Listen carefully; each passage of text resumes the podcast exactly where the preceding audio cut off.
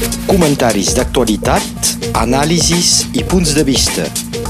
La crònica d'opinió amb el professor Joan Becat. Ja és aquí, ja és amb nosaltres, Joan Becat. Bon dia. Bon dia. Avui eh, parlarem, per començar en tot cas, de la cimera franco-espanyola que va tenir lloc a, a Barcelona dijous passat. Ha estat un èxit o no? Doncs uns diuen que sí, d'altres que no. La cimera entre el president francès Emmanuel Macron i el primer ministre espanyol Pedro Sánchez, dijous passat 19 de gener, s'ha produït com previst. És a dir, amb els membres dels dos governs, hi havia, per exemple, 12 ministres francesos que acompanyaven Macron i fugien de la vaga a França, i els periodistes tots tancats dins del Museu d'Art de Catalunya, i la manifestació que els escridassava a baix de Montjuïc, on omplia l'avinguda Maria Cristina. Aquesta avinguda és al mig de la Fira de Barcelona. Si hi aneu, l'heu d'imaginar plena i ja me direu si gent o no, dada objectiva que tindreu. Com passa sempre, l'apreciació de la cimera, com de la manifestació, va ser a l'oposat segons els comentaristes eren del cantó espanyol o del cantó català. Veieu més que de costum, perquè l'objectiu de Pedro Sánchez, recordem-ho, era ensenyar que hi havia normalitat a Barcelona. Doncs calia rebaixar la manifestació i fer passar el missatge que, sobretot a Espanya, que ell era un soci major de França a Europa doncs donar la més gran importància possible a la cimera i, sobretot, al seu significat, car els resultats reals són molt minces. Com va passar? Doncs, Pedro Sánchez i Pere Aragonès, els hostes, esperaven a dalt al museu l'arribada del president francès. S'ha dit que Pere Aragonès li ha demanat a llavors de fer afluixar els socialistes de Catalunya i llur líder al Parlament català Salvador Illa, que va ser ministre de Sánchez, de li votar el pressupost de la Generalitat. Tot això feia olor de tracte entre còmplices. Tu m'ajudes a votar el meu pressupost a Barcelona i els meus diputats votaran el teu a Madrid. Però, amb la diferència que no és la situació dels anys anteriors. En efecte, per Aragonès no té suport suficient. Per ara no en té cap per fer votar el seu pressupost. La CUP i Junts no li votaran. Amb els vots dels comuns no n'hi ha prou. Doncs només queden els socialistes, que tenen doncs, eh, que tenen doncs el Pere Aragonès eh, per on me pensi no vull dir altra cosa. De l'altra banda, a Madrid, Pedro Sánchez no necessita el vot d'Esquerra Republicana per fer passar el seu pressupost, ja que amb els bascos, els petits partits regionals espanyols i ciutadanos en té prou. Quan va arribar el president Macron, hi va haver una encaixada de mans amb Pere Aragonès, però just un minut que va ser filmat, per tant se sap. És a dir, el temps de dir Bonjour, content de vous voir, excusez-moi m'attend, com ho podem imaginar. Posteriorment, a la Generalitat, Pere Aragonès va declarar que havia dit al president Macron que Catalunya volia ser un soci més de la Unió Europea. No crec que l'hagi impactat gaire, gaire Macron. I també és que podem uh, mirar què n'ha dit la premsa. Doncs, com s'ha repercutit la cimera i el que va envoltar a la premsa i mitjans de comunicació. Doncs és molt contrastat. A veure, a Europa i en el món no se'n va parlar. Llevat aquí o allà, algun diari euro europeu una breu notícia d'unes ratlles a les pàgines interiors. Aquest dia, França-Espanya no era notícia important. Una cimera franco-espanyola no mereixia ni títols ni portada. Això nos situa exactament on són les coses i nos ajuda a relativitzar el que segueix. A Espanya i a la premsa de Barcelona pro-espanyola, com La Vanguardia i El Periódico, la cimera i les seues fotos omplien la primera pàgina, pàgina amb apreciacions exaltades. Era un èxit. La manifestació era un fiasco i l'independentisme era acabat. Pedro Sánchez declarava la Constitució espanyola se compleix a tots els territoris, incloent-hi Catalunya. Ha tractat després els manifestants de nostàlgic. Notem que la nostàlgia és enyorament d'un lloc, d'una època, d'una persona que s'ha deixat, que s'ha perdut. Per tant, deixava entendre que els manifestants mateixos se sabien vençuts. Curiosament, la premsa espanyola no insisteix sobre els resultats concrets de la cimera. Prova que no n'hi ha hagut gaire, perquè si no en parlarien. Eh, ho posarien endavant. No ha estat el cas. Doncs de què parlaven? Sobre pàgines. L'èxit era la importància estratègica de l'amistat franco-espanyola. Què més? Doncs això. És tan exagerat que dona la, la dimensió del sentiment a Espanya de ser marginats dins la Unió Europea. Ara, Espanya, doncs, acompanyarà França al centre del dispositiu europeu, deien. Significa que Macron ha reixit la seva jugada, fer d'Espanya un aliat seu i fins i tot un vassall, com a l'època feudal. I a França? Doncs, molt mala sort per l'amistat franco-espanyola. La premsa francesa se va focalitzar sobre la vaga reixida contra la reforma de la jubilació. Només això a les portades. A la cimera, doncs, res, alguna cosa a l'interior, llevat de l'independent de Perpinyà.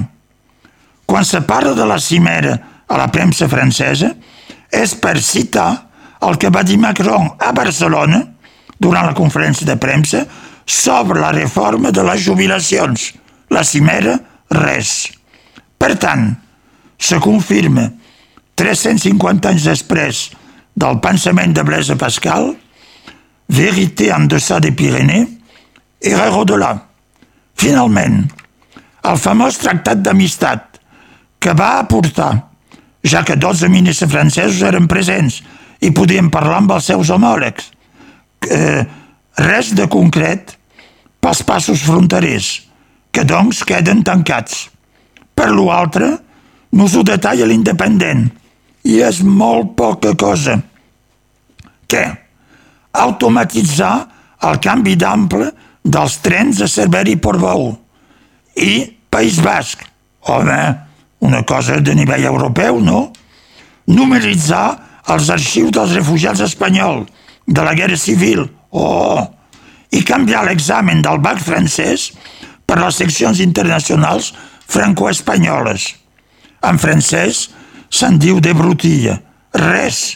I tot un tractat per això, com ho deia la setmana passada, que hi ha una cosa a sota? Probablement. I Joan Becat, quin ha estat el ressò de la manifestació independentista? Doncs la manifestació ha tingut lloc amb prou gent. El bonic article d'Otbou a VilaWeb que comenta el que va passar, dona el context d'una manera que trobi encertada, gairebé poètica. Deia, la ràdio deia que faria un fred glacial. Els fotògrafs s'han armat com si anessin d'expedició a la Napurna. 5 graus, l'aire talla i el vent es vergeix als esquitxos de la font màgica de Montjuïc. Malgrat aquestes condicions extremes i un dijous feiner, 30.000 persones omplien el peu de Montjuïc, amb crits i una xiulada impressionant quan va arribar al museu el president Macron. El nombre oficial és evidentment molt inferior. Però no cal perdre de vista que l'estimació oficial ve de la Guàrdia Urbana de Barcelona, que depèn del primer tinent d'alcalde Jaume Collbona, socialista, doncs amb molt interès de minorar ordres la manifestació. Tenim una manera indirecta de valorar si la manifestació va ser forta o no. En efecte, a la cimera no s'ha pogut fer la foto oficial com previst a l'entrada del museu, a l'esplanada, on se veia, on se veia tota la ciutat en tela de fons, perquè els manifestants es cridassaven, se'ls veia i el so arribava dalt. No era bo per a les televisions. Per tant, hi havia prou gent per fotre merder. Finalment, la cerimònia de trobada i obertura oficial davant la premsa se va fer dins un pàrquing. Grandesa i misèria d'una cimera d'amistat franco-espanyola. Pel Consell de la República, l'ANC, Òmnium Cultural i les 30 entitats que convocaven, va ser un èxit. I per primera vegada, des de fa tres anys, hi havia la unió de les entitats i de tots els partits independentistes. Està bé. Me fa ple d'afegir que el nostre Pere Manzanares, amb una represaliada catalana, va llegir un manifest. Pel moviment independentista, diuen Aquí no s'ha acabat. No s'ha acabat res. Ja ho veurem. I d'una manifestació a una altra, una, una prevista per uh, aquest dimarts mateix contra la decisió de limitar l'aigua dels recs. Aquest matí, a les 10, ara els n'ha parlat, s'allirà del Parc de les Exposicions, al Baix Vernet, ruta de Bonpas, una manifestació contra la decisió del Tribunal Administratiu de Montpellier de fixar al cabal le débit mínim de la tet a la plana a 1.500 litres per segon en lloc dels 600 que deia la decisió prefectoral, gairebé el triple. Això té repercussions greus en molts dominis i afecta molta gent i part de la nostra economia.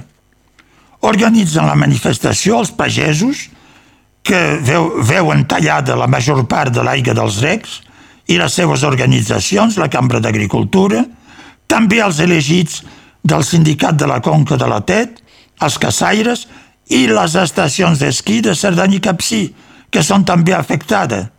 Jo us encoratgi a participar-hi per donar el vostre suport, com ho faré jo mateix. El que me sap més greu és que s'ha anat a un afrontament a una divisió entre l'ecologisme i bona part de la població nord-catalana i que, en nom de la protecció dels rius i dels peixos, s'hagi adoptat una posició més extrema. És una situació que no m'agrada i que condemni, independentment de saber qui té raó i qui té tort. No es fa això en democràcia. És sempre millor negociar i adoptar una decisió de trans transacció que té més possibilitat de passar. Si 600 litres per segon és massa poca aigua dins la tet l'estiu, doncs cal pujar i veure fins quan seria convenient. En lloc d'això, la Federació d'Entitats Ecologistes France Nature Environnement ha atacat la decisió prefectoral en justícia, demanant, evidentment, la quantitat màxima d'aigua que volia ells. L'ha obtinguda i, per tant, l'ha imposada a tothom amb conseqüències greus. Eh, I no estic exagerant. Evidentment, hi haurà molta menys aigua als recs, doncs menys per regar camps i vergers, més dificultats per recargar les capes freàtiques. Això és una certitud que no se pot contradir. I és un atac a l'ecologia de la plana, també.